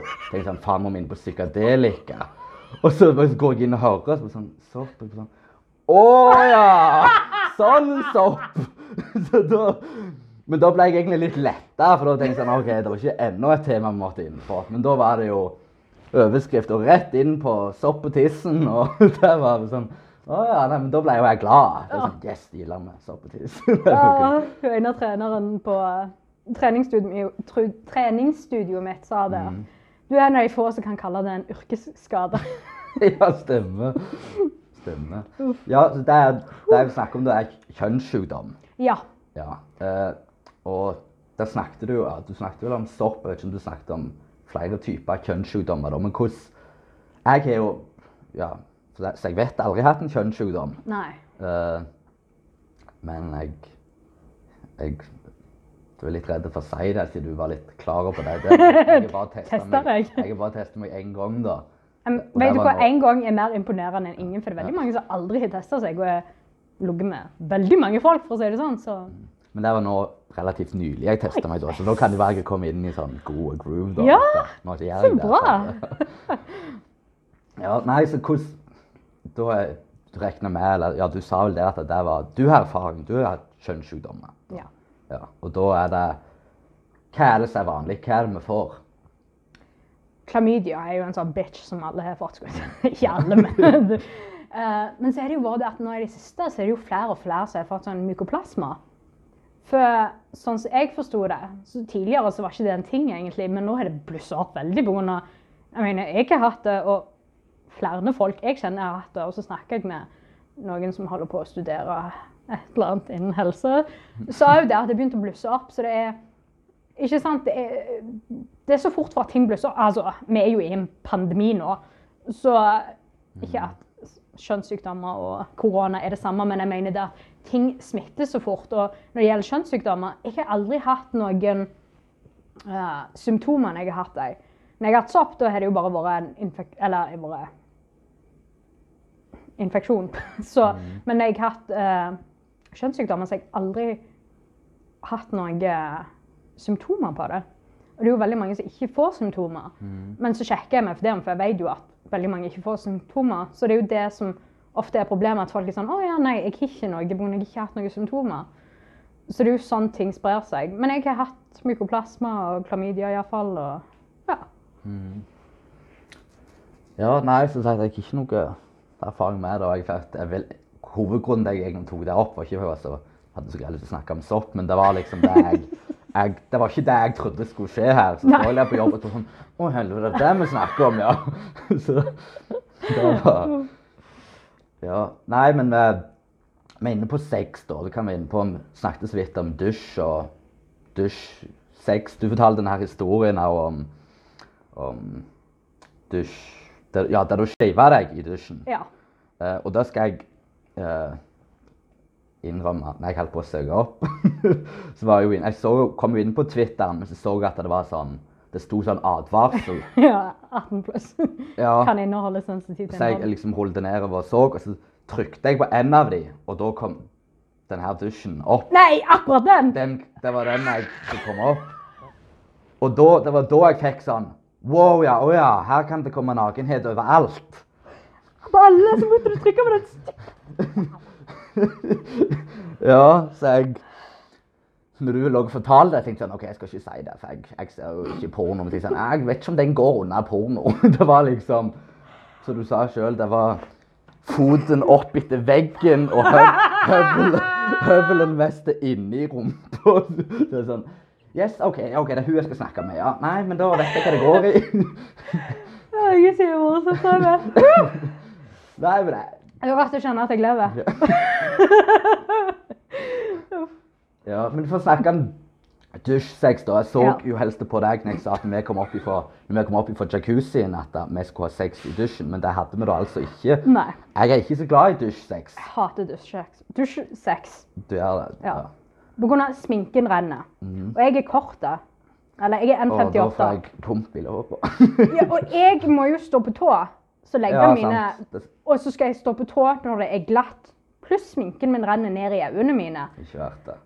Nei, det er bare et helvete. Så jeg står jo sånn og nesten Jeg kan ikke bevege meg. For det er det å ikke miste balansen samtidig. Leggene mine for tynt seg. De beste leg-workoutene jeg har hatt, eller ja, leggene mine, det er når jeg har hatt sex. Det kommer kramper, ser jeg, og alt. Krampene, sier jeg. Jeg liker ikke dusjsex bare når det er altfor mye som foregår. Altfor mye farer. Jeg er ikke så grasiøs. Altså. Det er så ofte, eller iallfall i mine tilfeller, da kanskje før til dusjsex, det er eh, mensensex. At det starter sånn. Ja. Eh, og der vet jeg jo det er veldig forskjellig med folk. Altså, noen er jo bare sånn at nå, denne uka kan vi ikke ha sex pga. det. Så jeg tenker kanskje typisk et forhold. Men så er det jo de som ikke bryr seg, og jeg, ja, så jeg sier løsninga ofte bare OK, da går jeg inn i dusjen, så slipper jeg å oppleve det. Men etter seg føler jeg er kjent med deg, så er ikke det kanskje noe du heller bryr deg om, eller? Nei, jeg, for, i forhold da er det veldig sånn Jeg har hatt mensensex med alle jeg har vært i forhold med, så jeg kan huske. Mm. Men sånn med knullepartnere så føler jeg på en måte OK, du er unnskyldt til å ikke knulle meg når jeg har mensen pga. vi bare knullekompiser, så du er unnskyldt for å ta fri den uka. Men jeg bryr, jeg bryr meg ikke. Det er sånn Det er så lett å bare skylle ut og på en måte legge et håndkle eller whatever. Så ja, det er ikke noe jeg bryr meg om. Jeg mener, det er bare blod. Ja, ja.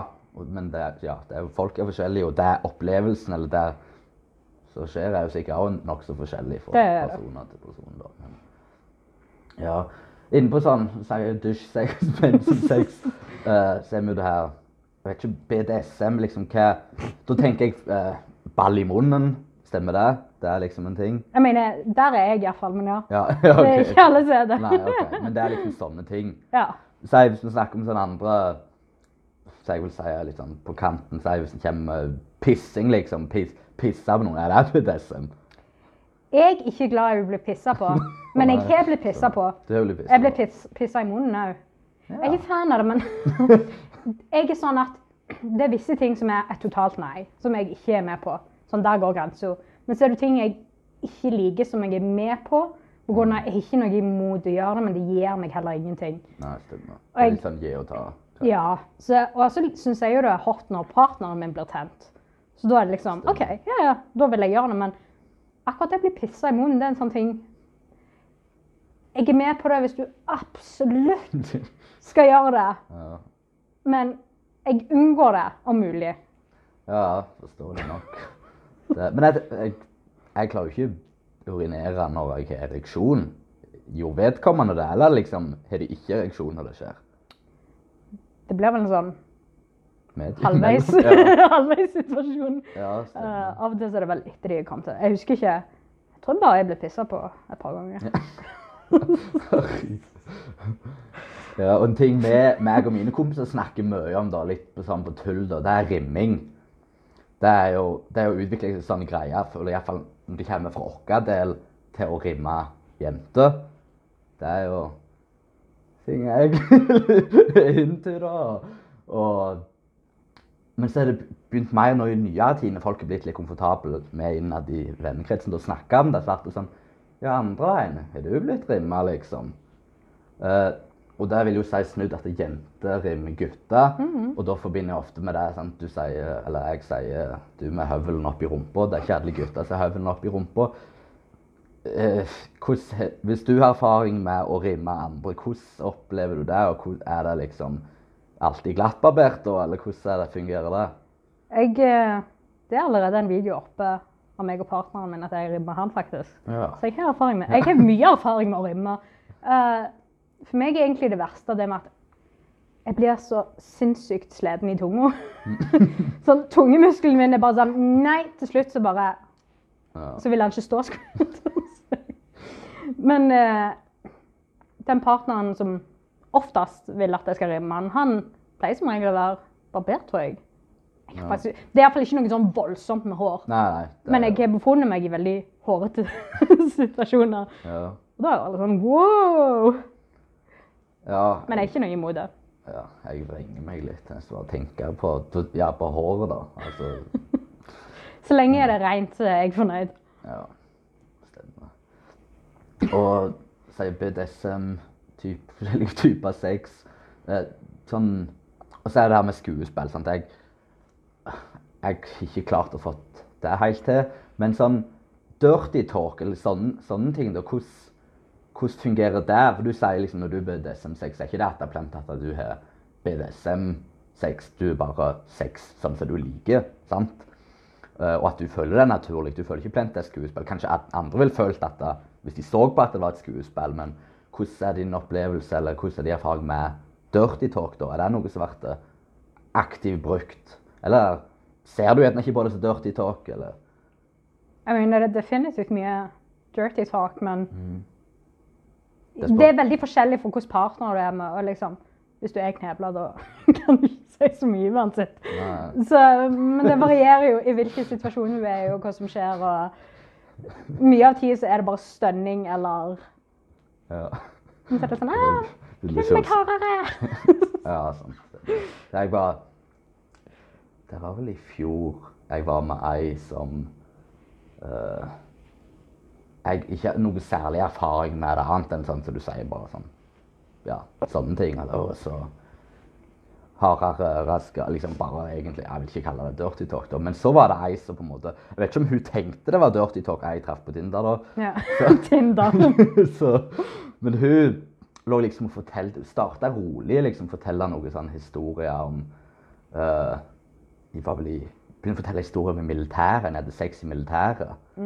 Og altså, gått noen år tilbake i tid, så hadde jeg liksom prøvd etter å få hun raskest mulig ut. Altså, for jeg, jeg vil ikke høre om andre knulle deg, liksom. Men et eller annet, jeg vet ikke om det var med hun eller om om de historiene, men det likte jeg liksom. Jeg begynte jo å spørre, og hun liksom Ja. fortalte mer og mer om liksom Ja, den ene gangen inni kottet hadde jo ikke lov når den befalen hadde med sin kompis, og de pulte meg liksom. Og jeg liksom Å, helvete, skal vi ha pule? Yeah! Ja, det var, helt, det var helt nytt for meg. For jeg liksom, som sagt, vanligvis så avskjøy jeg det. Ja. Men i dette tilfellet så liksom Foreplay, ja, OK. Fortell meg, Hva var det gjorde med deg egentlig? Sant? Så det var Det var nytt for meg. Ja. Og jeg vet ikke hvorfor jeg ikke testa det ut igjen nå i seinere tid og be folk fortelle meg. Men det var sånn Ja. Det plutselig funka, så da bare lot jeg henne snakke, og jeg gudda, liksom. ja. Ja. Og hyppighet, er det sånn at du nå ikke har sex, eller nå helst ikke gjør ting med mindre du filmer det, for at å, alt er content? Eller er det begge Nei, jeg vil si at jeg er ganske så hyppig uansett, for det er sånn Jeg kan ha en dag hvor jeg filmer eksempel to videoer pga. at jeg skal ha mensen snart. liksom. Mm. Og så kan jeg ha sex med knullekompisen min, og så kan jeg ha alenetid senere på kvelden. Så jeg er der jeg at Jo, jo, jeg har kanskje filma i dag, men jeg vil fortsatt ha sex, og så vil jeg fortsatt ha alenetid. Så jeg føler ikke liksom at å nei, jeg må spare det for kamera pga. Selv når jeg filmer det, så har jeg alenetid senere. Så Stemmer. jeg føler det er hyppig. Vi snakket om altså Egersund, vår by. Det er ikke så mange innbyggere. Jeg vet ikke akkurat hvor mange, men det er ikke Når jeg var liten, så var liksom Nærbø midt imellom Stavanger og Egersund. Ja. Så tenkte jeg at Stavanger og Egersund var det samme. Men i nyere tid har jeg innsett at det er mer innbyggere i Stavanger enn Egersund. en smule. Ja. Så det, det jeg vil, det er da i forhold til altså reaksjoner og sånne ting. Hvordan, er det der? Er det sånn peking og kvisking når du går og handler i butikkene, liksom? Eller hvordan, er det? Det har vært sjokkerende lite reaksjoner når det gjelder pornoen. i hvert fall på grunn av Jeg har lenge vært en person som folk snakker om pga. igjen, ikke sant, Det starta med mor mi døde, og så gikk jeg jo veldig alternativt i klesstilen og sånt noe fra jeg var veldig ung, for jeg begynte å like ikke sant, heavy metal. Og Marilyn Manson var liksom en av mine inspirasjoner da jeg var elleve år. Så jeg begynte jo å kle meg litt annerledes, farga hår og få persinger. Så jeg har på en måte vært noen som har blitt snakka om veldig lenge for forskjellige grunner. Om det er stilen min, eller at jeg mista mor mi, eller bla, bla. Så jeg har vært vant med å bli snakka om, men jeg har ikke merka noen forskjell etter jeg begynte med porno. Og jeg har ikke fått noen sånn ekstreme reaksjoner heller. Sånn, advokaten min var litt sånn Han likte ikke det. Og utenom det så bare Mormor mi var òg sånn Jeg syns ikke du skulle gjøre det. Og jeg var egentlig overraska, for jeg var sikker på at hun ikke skulle finne ut av det. Men når hun fant ut av det, så var det ikke det første. Hun sa sånn Jeg trodde du hadde ringt meg og ikke sånn, Du er ikke i familien min lenger. Men jeg møtte henne på butikken, og så begynte hun å snakke om masse annet. Og så plutselig så eh, «Po, Jeg syns ikke hun skulle gjøre det. Så var jeg sånn Vet, vet du? Vet det, og dette er reaksjonen din. Sånn, jeg var sikker på at du skulle Jeg har ikke kasta en høygaffel på meg, men Så jeg, var, jeg er veldig overraska, for jeg var, sånn, jeg var sikker på at jeg skulle få litt mer hat eller whatever, men Og alle jeg møter, er sånn Å, OK. Og jeg, til og med på trening en dag så snakka jeg med noen damer, og jeg, jeg har mest mannfolk rundt meg, egentlig, og jeg er mest med menn. Men så snakket jeg med noen damer, så syntes jeg det var så koselig det der med damer. Og så, og så spurte de meg om jobben min plutselig. Var, det var liksom det at de var så imøtekommende òg om det. Så jeg har ikke hatt noe sånn Jeg er sikker på at folk snakker om meg bak ryggen min, men jeg har ikke hatt noe sånn Fans? Folk som hater meg, fans. Ja, Det er det samme, det. Men nei, så jeg, jeg vet at folk snakker om meg. Og det var jo sånn jeg flytta òg, så var det jo så sa jo naboen min til meg at de andre naboene sa det, å, hva skal vi gjøre når Tone flytter inn her, og huset kommer med nagler, bla, bla. Så jeg vet folk snakker om meg, men jeg, jeg payer ikke noe attention to it, skulle jeg til å si. Jeg, det er lite som blir sagt til meg. Så. Ja. Nei, jeg må si at jeg deler oppfatningen når du sier altså med det her, så sier jeg Hva skal jeg si jeg vet ikke om jeg kan si positive til det, men liksom at det ikke ja, noen fæle reaksjoner. Jeg må si at jeg er imponert, ikke ble imponert av pornoen, fordi jeg ikke har sett annet enn ja, det jeg sa, men eh, bare det. Så når jeg fikk anbefalt eller foreslått at jeg skulle snakke med deg, da, og liksom bare sånn, ja, hvem hun er, eller hvorfor skal jeg snakke med hun, så fikk jeg liksom den introen. Og da fikk jeg jo det altså, forstå, altså, Da tenkte jeg jo at det, det ikke var dette. altså Da tenkte jeg det var ei blåste som ikke var reflektert i det hele, og liksom ja, solgte seg sjøl på, ja, på en helt annen måte. Så jeg må jo si at jeg var ja, voldsomt imponert og anser jo deg som en reflektert person. Så selv om det er tross kanskje litt annerledes, så er jo det ja, det jeg liker, eller det det jeg vil ha med på podkasten. Jeg vil ikke ha med noen her og for, altså skal fortelle hva Altså hvordan de skifter bleie på ungen, liksom. Det er, ja, jeg vil ha de som tårer å være seg sjøl og ta en annen vei, og ikke bare følge samfunnet. sant? Ja. Så jeg Ja, jeg for, Forsto egentlig mye det i- når jeg holdt på å gjøre meg klar da, liksom, til å treffe deg. Så begynte jeg å forstå det. at å ja, for det her ja, det her er en litt gjennomtenkt person, liksom. Det er ikke, det er ikke det. Nei, nei, nei, nei men sant, det, det er ikke det der han, eh, første jeg fikk når jeg fikk anbefalt, sant, så kom det liksom fordommer. sant, at eh, Mm. Altså, der var Jeg del, deler oppfatninga du sier. at så det, Jeg tror ikke Selvfølgelig det er alltid folk som snakker bak ryggen, men jeg, jeg vil Du lo litt når jeg sa fans, men jeg vil jo vel si at det er en form for fans. Ikke blant fans i form av, av liksom fans at 'Å, jeg er fan av pornoen din', men de er jo en form for fans fordi at det- og her er en person som tårer å gjøre det eller tårer å være seg sjøl. Det tårer ikke jeg, og da dømmer de dem. At det fans i form i den forstand. Ja. For når, hvis de vil bruke energi og snakke negativt om noen, så er jo det fordi at de på en måte har noe de sitter inne med sjøl. Så de vil få utløp for eller hakke ned på andre for å få seg til å føle seg bedre, da, Ja. vil jeg si. ja. Men Jo, jeg, jeg føler jo litt på det at Jeg tror ikke jeg er noe sånn voldsomt spesiell eller fornuftig, eller whatever, men jeg føler av og til at folk hater meg på grunn av Eller gir meg hat på grunn av de ser at jeg lever fritt, og at de er sjalu på at jeg kan leve fritt, mens de ikke kan. Ja, Om det er pga. de føler at ryktet går i søpla, eller hva enn det er. Så det er ikke det at jeg tror at det er så mye å være misunnelig på, men jeg, jeg vet at jeg har en frihet som mange ikke har. Og det er en frihet som er veldig viktig for meg. Og jeg tror av og til at folk blir sjalu for at jeg har den friheten, og de har det ikke. Men alle kan ha den friheten. Du må bare gå inn for å ja. slippe veggene ned, skulle jeg si. Du nevner, nevner mormor di og sånn. og uh, Hvordan er forholdet ditt sånn, for til far din i dag? Han, ja, vet han om pornoen, liksom? Eller har du ikke mye med han å gjøre? Eller hvordan er det? Jeg har ingenting med han å gjøre, så jeg vet ikke om han vet. Jeg har ikke peiling. Jeg snakker jo ikke med han, så Nei, dermed. Ja. Eh, en ting jeg la merke til, jeg tror det var den samme, samme filmen, så er det sånn uh, Du sa sånn at ja, jeg uh, bekla, Beklager jeg rente så mye, liksom at jeg drar ut filmen eller forsnakker meg, men, men jeg bryr meg ikke, sa du liksom.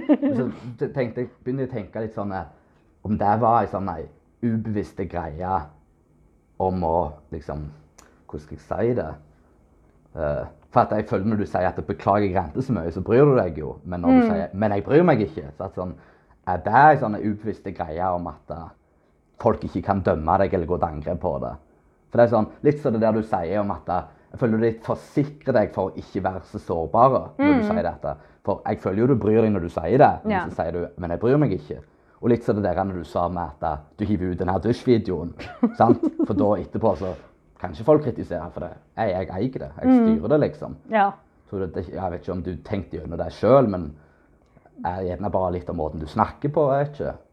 Det var kanskje litt mer en sånn sorry, not sorry, slash Ja. å prøve Eller å acknowledge at Av og til er jeg dårlig med norsk. Acknowledge. Dere som forstår, dere forstår. Acknowledge at videoen er litt lang. Så det var vel mer det jeg prøvde å gå for. Men igjen, av og til så er jeg sånn OK, av og til så vil jeg bare sette meg selv i en posisjon hvor det verste av meg ligger ute, og du kan ikke dømme meg. Eller du kan dømme meg, men jeg har allerede vist deg at her er meg, og døm meg så mye du vil, men jeg kommer ikke til å skjule hvem jeg er. Mm. kind of thing. Ja, ja. Så, men jeg er bare menneske. Jeg, eh, jeg blir usikker. Jeg ja. setter spørsmål med ting. Så det, er- av og til så gjør jeg det nok ubevisst, og av og til så gjør jeg det bevisst. Og andre ganger så er jeg bare dårlig å ordlegge meg, rett og slett. Ja, jeg, jeg brukte nettopp det jeg snakket med noen om meg på podkasten da. Liksom, ja, om du ikke er redd for å si ditt og datt. Og så sa jeg at jeg kanskje tidligere så har det vært en greie at jeg på en måte ikke liker å gjøre meg sjøl sårbare. da. Ja. Og da har jeg ennå ikke sagt så mye. Så jeg, litt av grunnen til at jeg ville starte podkasten, var for å tvinge meg sjøl til å være sårbar.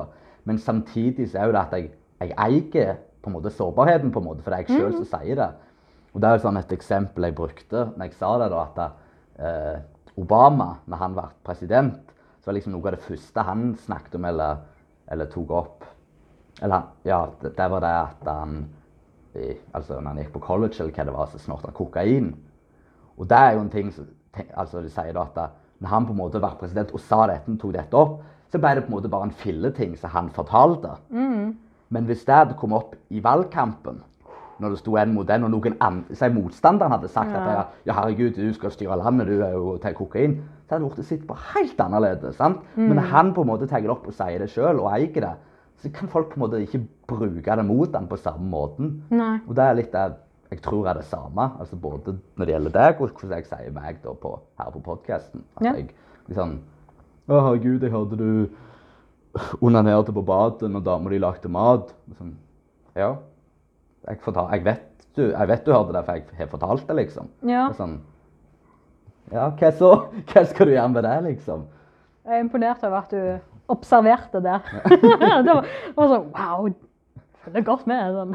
Det hadde ikke jeg lagt merke til, men ja. Det, er bra observert. Jeg eh, Vi er bare mennesker, så jeg føler liksom av og til så vil jeg bare putte ut det verste av meg. Mm. Og det er noe jeg merker generelt i livet, gjør i livet. På grunn av jeg er sånn Jeg vil bare sette forventningene til folk veldig lågt. For da kan jeg bare imponere. Ja. Så det er sånn Hvis jeg hadde for begynt med et nytt prosjekt, eller noe, så hadde jeg ikke sagt noe om det. Jeg hadde bare holdt på med det til jeg mestra det. Og så hadde jeg vært sånn Å ja, ja, jeg gjør dette. Humble brag. Men, men for meg er det lettere å heller sette forventningene lågt, på grunn av da er det iallfall ikke den Å ja, fuck you, du gjorde bare det, liksom.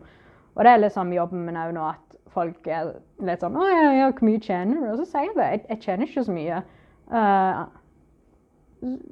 ikke sant? Jeg vil ikke, jeg vil ikke at folk skal tro at jeg, jeg gjør det kjempebra. Nei, jeg tjener faktisk ikke så grella mye på det jeg gjør. Men jeg har det kjempegøy. og det er den første skikkelige jobben jeg har hatt. Så, eller den første jobben jeg har hatt i det hele. Altså. Ja. Og det er jo en del jeg sier, den typiske tingen jeg sier kanskje når du starter der eller jeg har podkasten, så er det jo sånn at ja, en gjør det ikke for penger, eller liksom, jeg gjør det ikke for oppmerksomhet. Gjør det for gøy.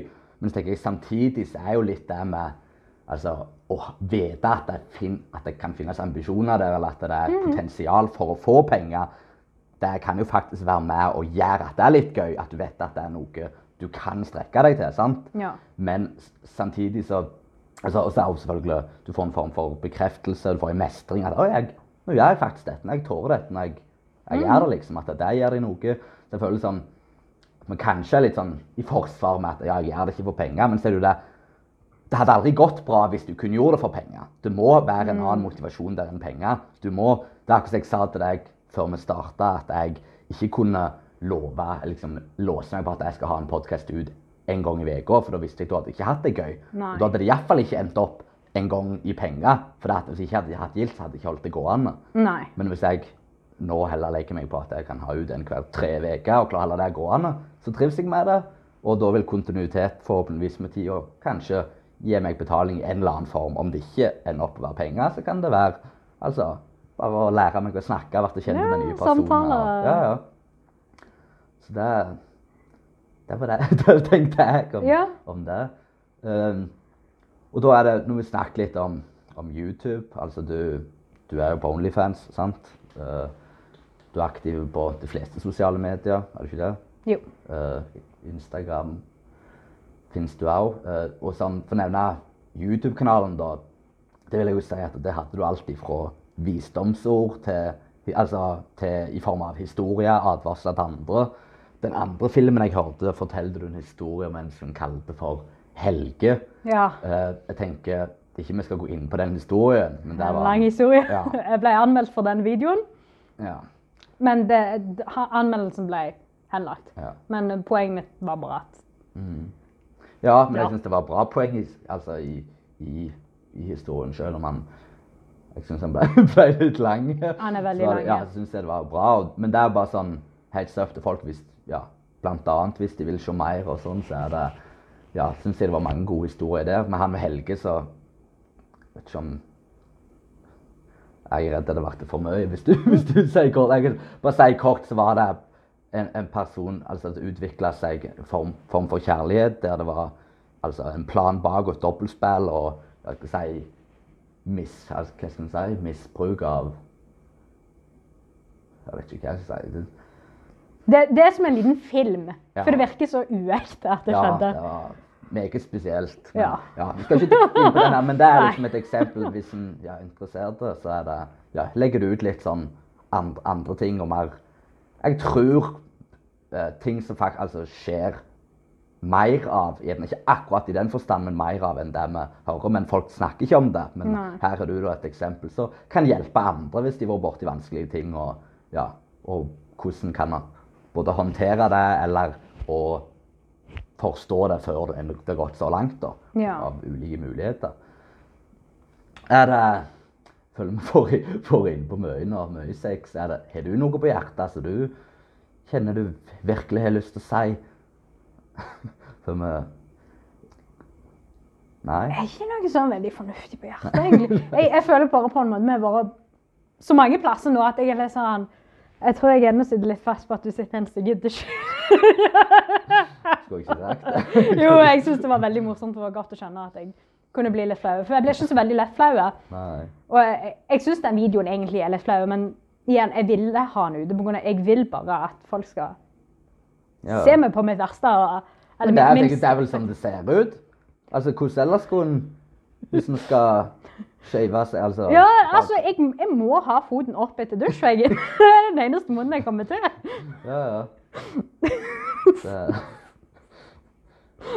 Nei, jeg, tenk, jeg tenker Det er jo ikke altså, Jeg har jo ikke sett fil, film av det før, men jeg tenker det er, vel, det er jo sånn det må se ut. Det er ikke så den her sånn, ja, Sånn kameraet ut når jeg åpner TikTok. eller liksom, sant? bildet ditt, er jo sånn Ja, men det er jo ikke sånn du ser ut fra den vinkelen. Ja, men det er ikke vanlig at, det, på en måte, at du planterer det for det, men det er jo virkeligheten. sant? Ja. Så ja, nei, sånn runde av, da. Hva, hvor kan folk finne mer av deg? Både i forstand av hvis de har lyst til å altså, nå ut til deg, eller hvis de har lyst til å ta seg på tissen og Uh, vel, hvis du vil se Onlyfansen min, så er den på okkapornostjerna.com. Og Instagrammen min og Twitteren min er ToneY095. Og så heter jeg Tone Simone Husabø. Og hvis du vil se på YouTube-kanalen min, så heter den Lompehaugen uten en G. du kan sikkert finne den en annen plass hvis du går på de andre sosiale mediene. Men Stemmer. Okkapornostjerner.com. ja. Da har vi det. ja. Takk for praten. Takk for praten. Takk for at du ville ha meg. Dette Jo. var gildt og litt flaut. Good. Oh, det er fint, det. Ja, det er veldig fint. Det er godt jeg kunne få Yes, der fikk vi tømt dere litt.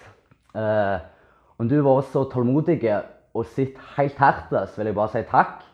Eh, og håper du fant noe av det vi hadde å si interessant, eh, underholdende, lærerikt, eller alt i sammen. Så vil jeg bare minne om at du har mulighet til å høre podkasten både via YouTube, der du har mulighet til å se, og du kan også gå på Spotify og høre. For eksempel kan du høre mens du går en tur, eller sånn, du trenger ikke plente å se på. Eh, hvis du har noen innvendinger i form av kritikk eller positiv feedback, eh, noe du syns jeg må være flinkere på, og sånn, så vil jeg at du skal gi beskjed. Eh, er det noen personer du ønsker jeg skal prøve å få med og tok en prat med? Noen tema jeg skal prøve å gå inn på? Da setter jeg pris på om du kommenterer under her inne på YouTube. Kommenter under hva, hva bør jeg være flinkere på. Eller så kan du sende meg en melding. Så ser vi.